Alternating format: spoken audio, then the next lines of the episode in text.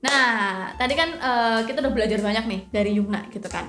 Nah, seperti janji kita di awal nih bahwasanya kita akan uh, ngobrol dua arah gitu kan. Yeah. Tadi kita udah belajar mungkin dari seorang uh, apa ya Yumna dan seorang anak dari orang tua yang berpisah gitu kan. Nah, sekarang mungkin gantian ya. Gantian mungkin ini uh, kontennya lebih ke arah aku yang sebagai single mom, sebagai orang tuanya gitu, bagaimana melewati fase-fase selama 8 tahun itu dan apa nih Yum? Yang mungkin bikin tertarik kepo. buat kamu tanyain gitu ya. Kepoin yang pengen kamu kepoin dari seorang aku gitu. Sebenarnya yang mm -hmm. paling pengen aku kepoin itu dari Mbak Dila adalah mm -hmm. kejadian itu 8 tahun yang lalu. Berarti Mbak Dila masih muda banget yes guys. banget. Seumuran aku kayaknya. Seumuran Yumna. Seumuran iya, Yumna iya, gitu. ya kan? Jadi kayak seberapa gimana perasaannya pada waktu itu di usia segitu harus menghadapi kenyataan yang okay, aku memutuskan bercerai gitu yeah, yeah. dan maksudnya di fase itu kayaknya banyak stigma yang belum oh, oh, belum, belum belum belum common gitu yeah, belum biasa apa kejadian itu buat banyak orang gimana sih mbak perasaannya waktu itu yeah. jadi waktu itu uh, aku sebut usia aja ya. Jadi waktu itu usia aku tuh 24 tahun. 24 tahun karena aku nikah muda kan usia 20 tahun. 24 itu memutuskan berpisah itu ya ada banyak konflik yang memang akhirnya aku memutuskan gitu kan. Nah, cuma permasalahannya adalah di usia 24 tahun itu layaknya kamu pada umumnya kan masih yang hangout sana sini lah hmm. yang ini. Tapi gue udah mikirin hidup sendiri sama seorang anak waktu itu anak masih satu setengah tahunan gitu kan. Jadi uh, gimana ya? Yang paling aku rasain perasaan di situ adalah perasaan yang tadi. Nggak ini nih nggak umum. Hmm. jadi aku ngerasa waktu itu langsung menarik diri hmm. menarik diri dari pergaulan dari keluarga juga gitu emang benar-benar yang menarik diri.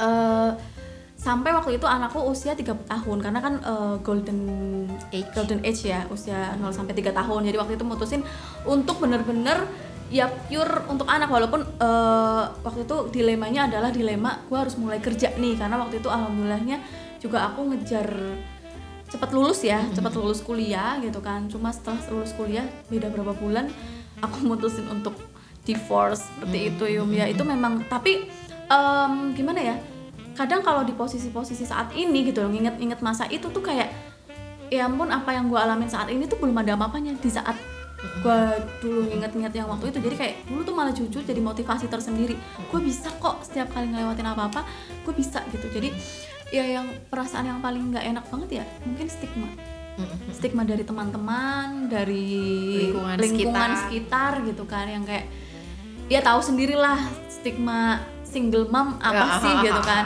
seberapa negatifnya pulang malam dibilang ngapain segala ya, macem ya, gitu ya, gitu kan ya, tau ya, lah ya, ya. yang yang yang akhirnya yang akhirnya yang memutuskan aku adalah aku nggak pengen jadi orang yang yang dinilai sama orang seperti itu gitu aku mm -hmm. yes I'm single mom gitu. Tapi aku nggak seperti yang dipikirin banyak orang gitu. Aku pengen uh, uh, kayak tadi mungkin Yumna bilang titik baliknya aku ya di situ titik balik bahwasanya oke okay, I'm single mom dan aku uh, memang sudah memutuskan ini.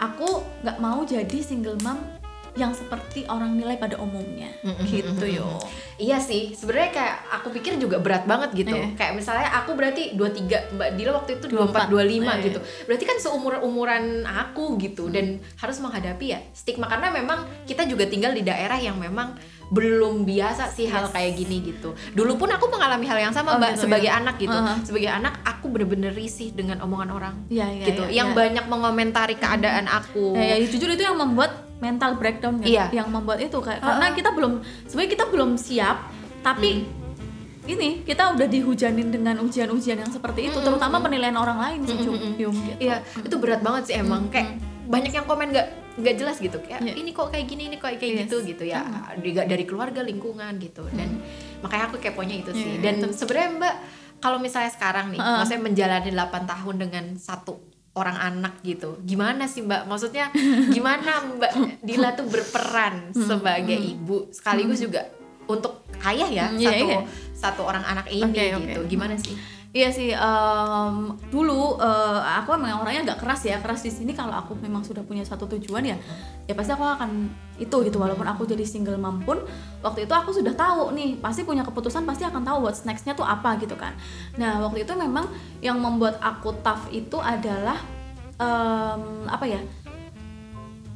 uh, kem, apa ya uh, passion aku untuk selalu belajar yung Hmm. belajar apa pun maksudnya kayak nggak boleh kosong deh ini Hmm. pokoknya gue harus langsung update update ilmu atau update wawasan apa pun gitu Hmm. terutama memang waktu itu aku memang senang banget untuk belajar tentang hal-hal yang ya berbau eh, apa ya financial education for women segala macem Hmm. gitu kan Eh, pokoknya intinya yang ke berbau bagaimana seorang wanita itu jangan cuma berharap apa ya jangan menjadikan laki-laki itu aset Hmm. ya jangan eh, jadi kita sebagai perempuan tetap harus mandiri secara finansial meskipun ada pasangan pun gitu tak apalagi tidak ada pasangan gitu kan waktu itu jadi eh, goals jangka panjangku adalah bagaimana aku bisa punya penghasilan Hmm. eh, especially di rumah gitu tapi tetap bisa dampingin tumbuh kembang anak gitu Yum. itu dulu goals yang yang mungkin dari usia 24 tahun itu aku tahu mungkin usia 30 tahunan aku harus capek itu.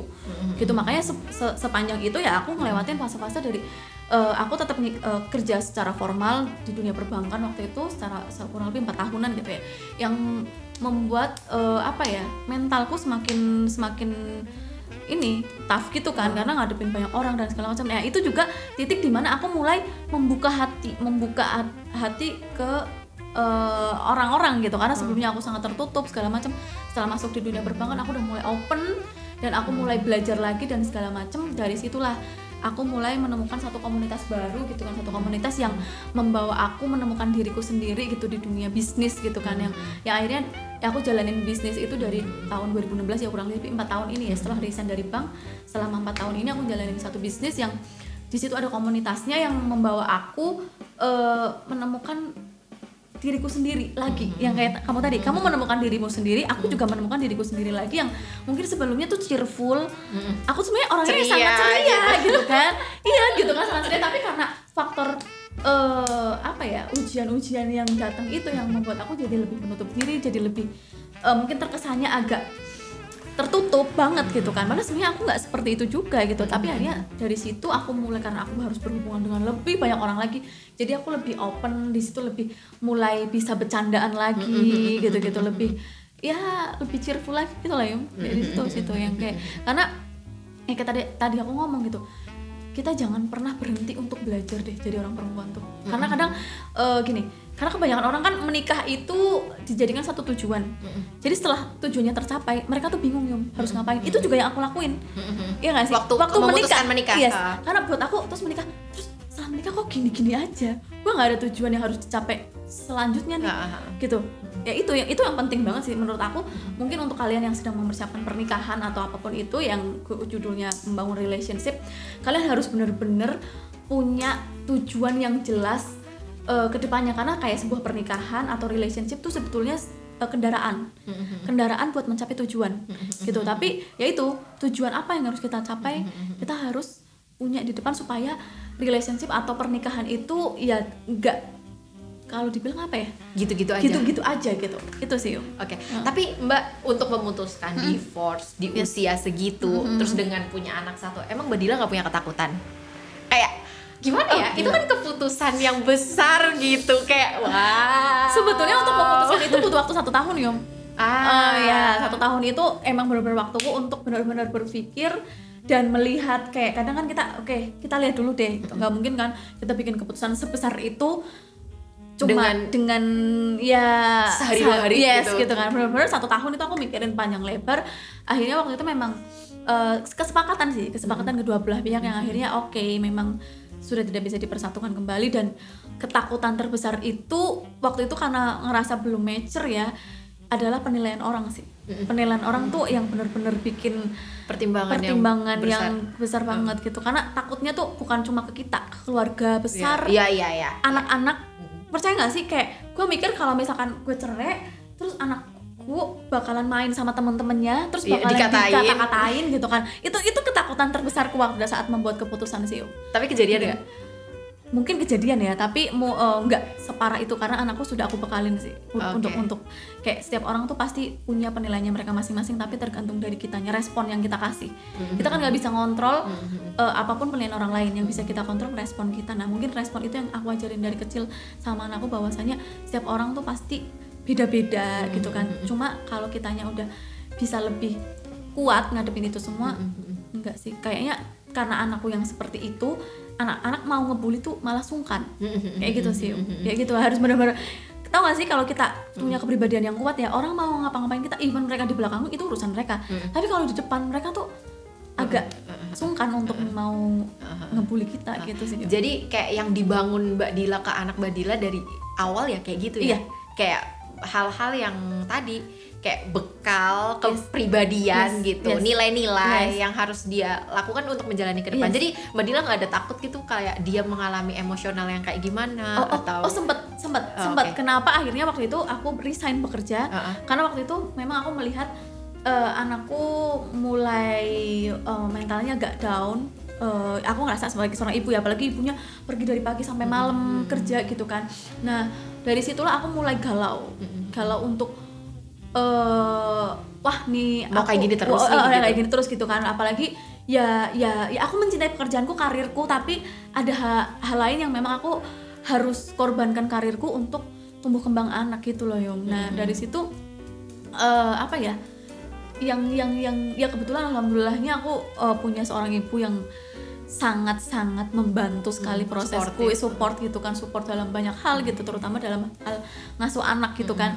Nah di situ juga aku sangat sangat sangat berterima kasih terutama kepada ibuku dan mungkin juga dialamin para single mom yang lain yang mungkin bekerja dan dibantu sama orang tua gitu kan. Coba balik lagi Yum yang namanya parentingnya orang tua sama parentingnya eh, kakek nenek kita itu kan pasti beda, Beda. gitu seorang kakek sama Ibu seorang sama nenek sama kakek gitu, iya itu sama pasti nenek beda gitu. gitu. Iya, beda. Dari situ aku mulai eh, harus ambil langkah untuk oh ini nggak bisa dilanjutin nih. Ini gue harus cari second opinion untuk aku masih tetap bisa punya karir meskipun harus di rumah. Gitu sih yang yang yang yang akhirnya membuat karena ya itu yang aku pelajari dari anak-anak s- eh, korban orang bukan korban ya anak-anak dari orang tua yang berpisah itu adalah terutama karena mereka kurang diarahin pengarahan Iya, gitu iya, loh. iya. karena kadang orang tua tuh udah terlalu sibuk. Mungkin seorang ayahnya udah sibuk dengan kehidupannya mereka sendiri ibunya dengan strugglingnya mereka mencari penghasilan gitu. Karena to be honest ya em, kalau aku boleh ngomong perceraian di Indonesia yang mungkin ayahnya itu masih bertanggung jawab full kepada anak tuh mungkin let's say ya 70-30% sih 30% itu emang benar-benar ya mereka udah nggak mau tahu kehidupan anak mereka saat ini gitu sih Yum. gitu. Iya iya iya. Jadi kayak emang sih kayak sebenarnya anak tuh bingung arah sih. Maksudnya kayak bingung karena aku harus ngikut siapa Yes. gitu.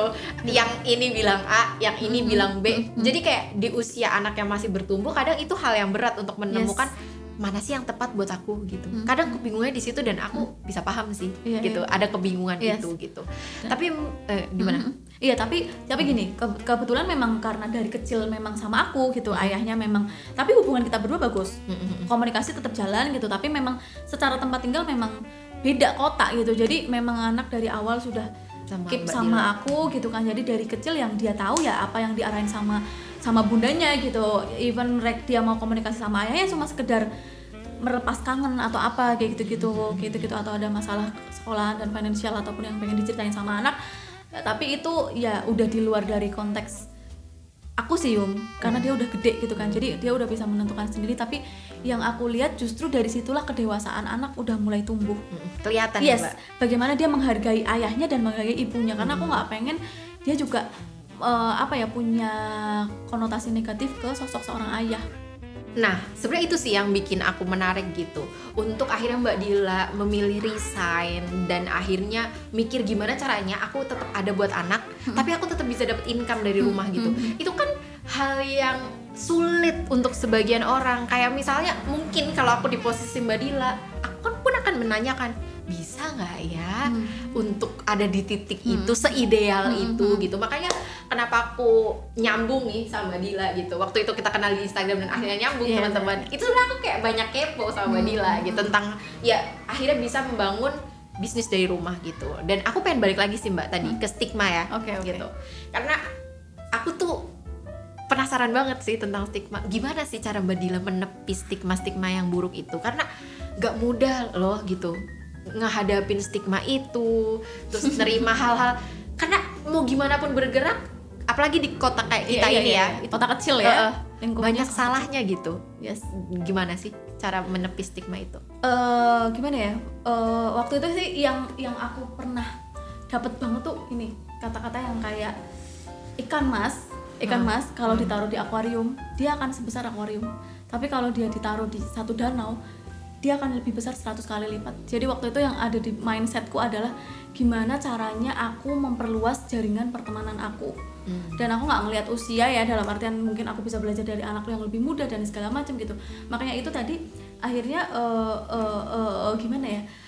Gue nggak mau uh, jadi single mom yang cuma ngerah sama nasib iya. yang cuma mau meratapi yeah, gitu. gitu kan yang nangis nangis yang terus eh, nggak uh, tahu harus ngapain ya udah deh terus habis itu ada yang mau sama kita terus iya iya aja gitu karena ngerasa yang penting gue laku gitu kan Atau, gitu. ya. ya ya gitu gitu kan kebanyakan yang yang memang aku uh, amatin gitu kan masih ada ketakutan ya di perempuan-perempuan untuk berdiri di kaki sendiri oh, gitu oh, pasti mm -hmm. itu yang aku lihat karena mereka uh, mostly itu pasti itu menjadikan seorang laki-laki itu aset aset untuk uh, ya terutama dalam hal finansial gitu kan. Jadi makanya pada saat yang yang yang aku lihat yang aku amatin ya pada saat wanita bercerai itu yang yang kenapa mereka harus cepet-cepetan untuk uh, punya keluarga lagi itu terutama pada saat ada yang menawarkan diri mereka dengan cepat menerima tanpa mereka berpikir opsi-opsi dan segala macam gitu. Karena ya itu yang yang justru uh, apa ya itu pembelajaran sih buat aku sih. Hmm. pembelajaran untuk oh ya ternyata um, yang pertama jadi single mom udah nggak mudah tuh hmm. ya kan? Udah nggak mudah.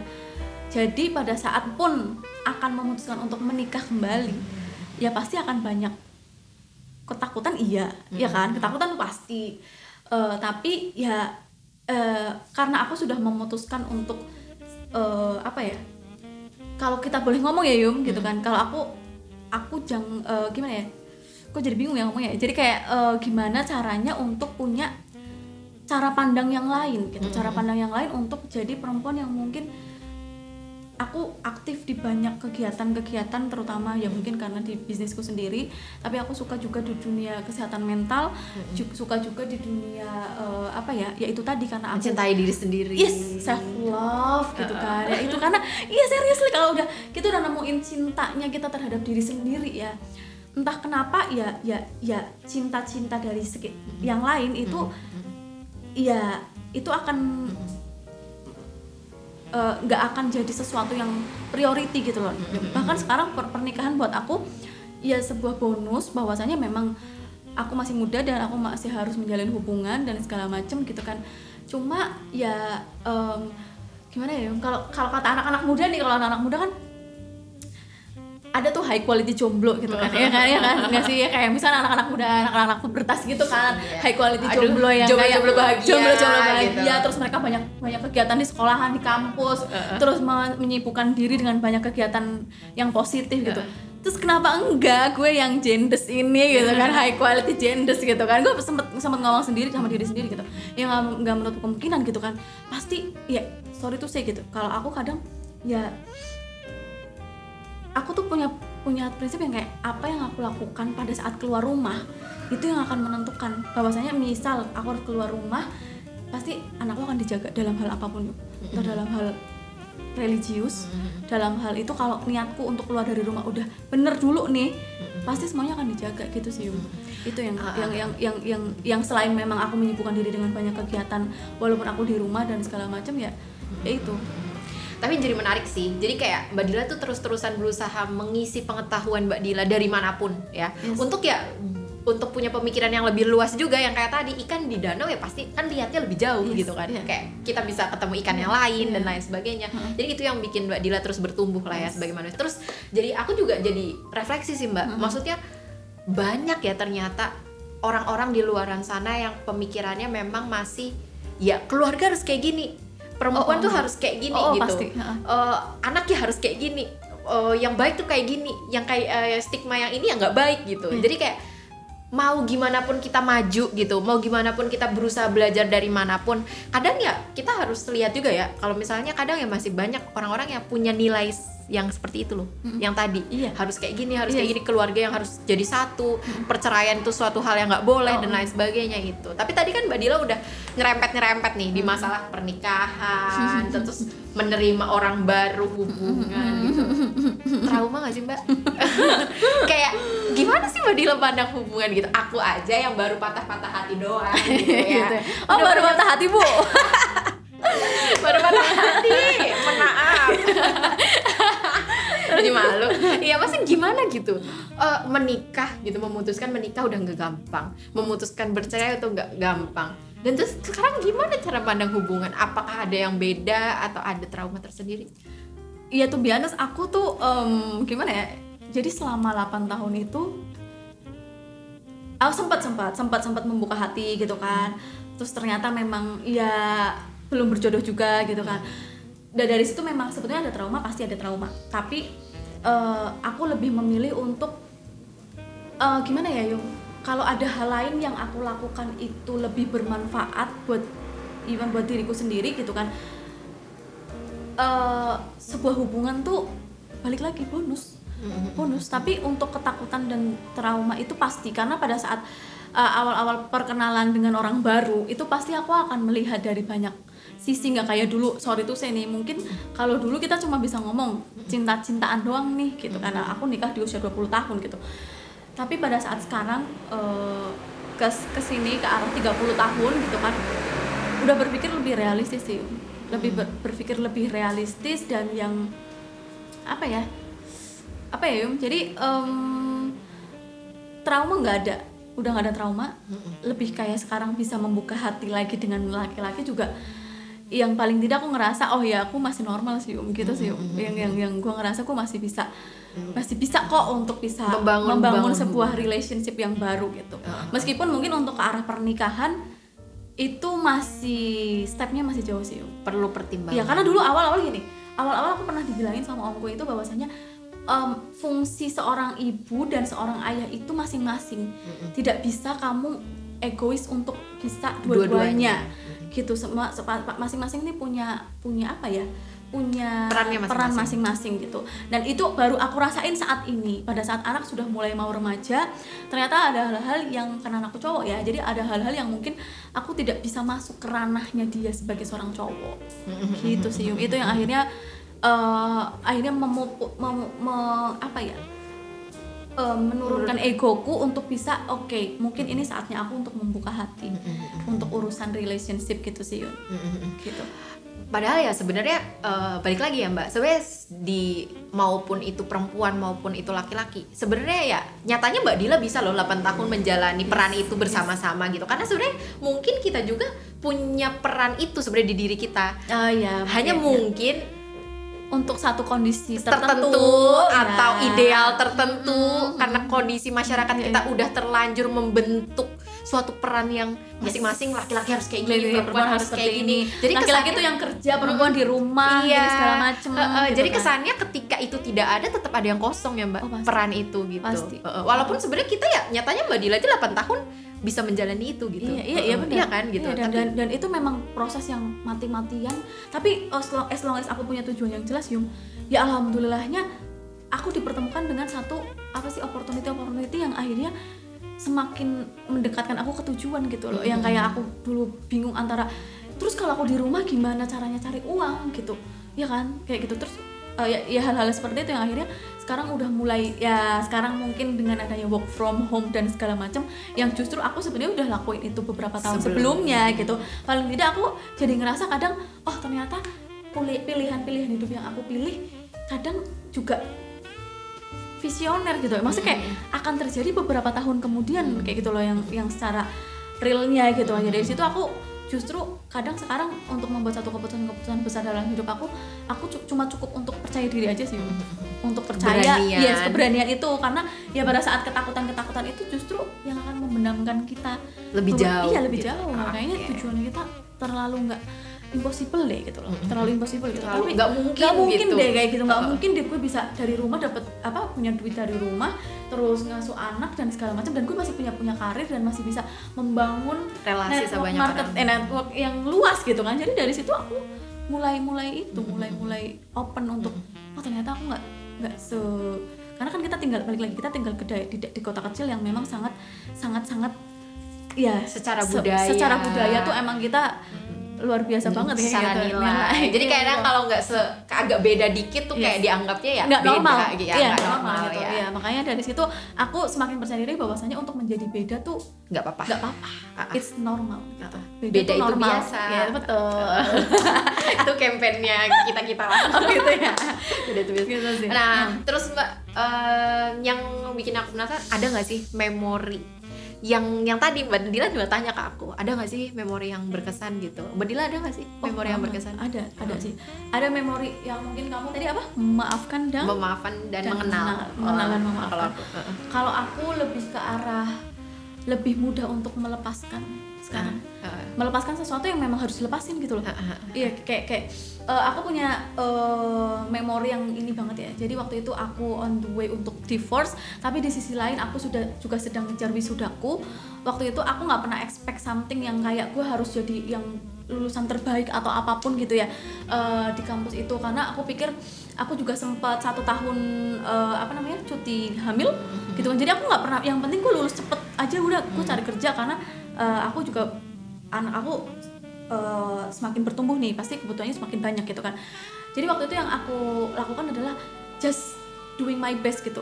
Aku nggak pernah expect aku harus jadi kumlot kayak atau apa kayak lulusan terbaik kayak gitu. Tapi kenyataannya yum pada saat eh, aku sudah selesai sidang eh, selang satu minggu kemudian aku baru dikasih tahu bahwasanya aku termasuk salah satu lulusan terbaik eh, lulusan terbaik eh, di fakultas aku gitu kan. Jadi situ eh, dan aku juga kumlot kumlot kan harus tiga setengah tahun ya kalau nggak salah ya. Dan itu juga aku dapat gitu pada di sisi lain aku udah cuti hamil aku nggak pernah kepikiran gitu. Ternyata bonus-bonus itulah yang aku dapat jadi pada saat eh, kita ngelakuin yang terbaik ya ya alhamdulillah itu bonus-bonus tuh akan selalu ada gitu nah. Di titik di situlah eh, aku akhirnya mulai ikhlas untuk mulai melepaskan release something yang memang aku harus lepasin terutama yang memang sesuatu yang memang tidak gimana ya tidak sesuai sama tujuanku kayak gitu loh tujuanku untuk menikah kan seperti ini ternyata tidak bisa ya aku harus lepasin. Tujuanku untuk seperti apa aku harus lepasin gitu. Itu prosesnya agak uh, uh, orang lihat tuh mungkin tuh kamu bisa banget sih? Kayak gitu. Tapi ternyata move onnya tuh agak lama sih Yung cuma setelah itu setelah kejadian itu ada apa pun di depan di depan depan setelah itu tentang relationship lah tentang karir lah apa apa pun yang memang aku harus lepasin Yung itu ternyata di situlah titik aku akan lebih mudah untuk berdamai sama diri sendiri untuk melepaskan yang memang aku harus lepasin gitu ya kadang mungkin kayak kita tuh pengennya kayak ideal ya Yes. kayak pokoknya harus kayak gini harus kayak gitu tapi kadang juga ketika itu tidak terjadi ketika kita terus ter- berpegang sama yang ideal ini mbak jadi ngedown juga ya Yes, gitu jadi ketika banget. kita melepaskan belajar menyadari lah ya Yes. keadaan ya udah gitu iya gitu iya gitu ya. Heeh. itu yang bikin sekarang nih hidup aku sekarang ya kayak lebih lebih apa ya em, enak. Enak pasti nyaman nyaman nyaman. nyaman untuk diri sendiri sesuatu yang memang nggak enak dipertahanin kan untuk apa gitu loh. Iya seperti itu sih sebenarnya aku ada yang penasaran lagi sih mbak gitu. Masalah tentang mbak Dila sudah pernah menikah nih. Yes. Terus sendiri selama 8 tahun. Oke pasti ada kebutuhan biologis dong mbak gitu. Ya, maksudnya kayak ya gak usah ditutupin Iya, ya maksudnya kayak bener. maksudnya aku aja anak muda gitu sadar kebutuhan biologis itu gitu. Dan bagaimana mbak Dila mengelola itu gitu? Oke, eh, mungkin banyak juga ya eh, teman-teman yang agak kepo gitu, terutama teman-teman karena waktu dulu aku divorce itu masih jarang banget. Tingkat perceraian tuh masih rendah ya, nggak beda sa- sama sekarang gitu, tingkat perceraian tuh tinggi banget dan mereka ngelihat aku tough banget di, di, di area itu gitu, bahkan aku pun tidak mencoba untuk open relationship eh, kemarin sebelum sebelumnya ya, aku nggak coba untuk open relationship. Tuh gimana kamu mengelola itu semua? Teman-teman juga bertanya gitu kan. Ya pasti ada lah pasti ada keinginan ke arah yang mungkin eh, ya sorry tuh saya mungkin kebanyakan yang akhirnya stigma stigma itu ada Muncul adalah pada saat itu, eh, eh, para perempuan-perempuan ini tidak bisa menjaga itu tidak bisa menjaga itu Mengelola dan, ya. eh, eh, tidak bisa mengelola itu sehingga apa pada saat ada yang eh, ya kasarnya tuh ngajakin atau jalan ya, gitu. ya, gitu. ya mereka akan dengan mudah untuk mengiyakan gitu. Eh, ya ya itu sih mungkin agak agak eh, agak struggling juga sebenarnya di, di di area itu. Karena aku berdivorce juga di usia muda gitu kan. Itu pasti ke kebutuhan untuk itu tinggi gitu. Tapi pada akhirnya aku menemukan satu ya ya sih aku belum terlalu berat banget ke arah olahraga.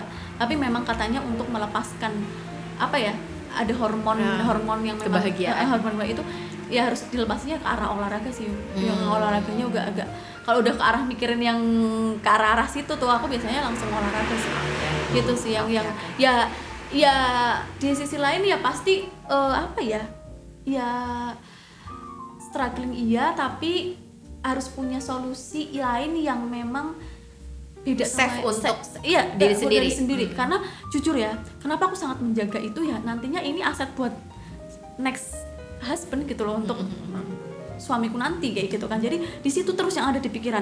Ada go- godaan apa pun yang ada di pikiran adalah ini adalah hadiah buat suamiku nanti.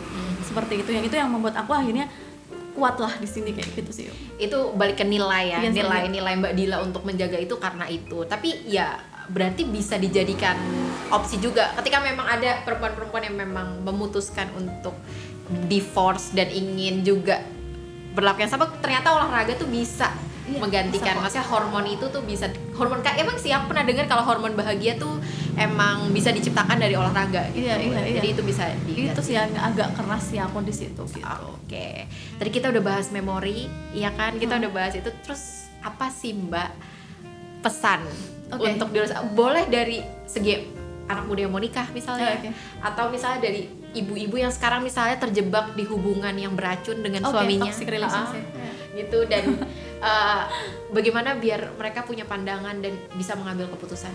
Hmm, oke. Nah ini alhamdulillahnya juga bukan alhamdulillah ya, maksudnya aku buat tempat aku juga buat tempat sharing para eh, pasangan-pasangan yang yang mungkin eh, memutuskan ingin bercerai. Itu sebetulnya kebanyakan masalah mereka itu adalah masalah di komunikasi ternyata yuk.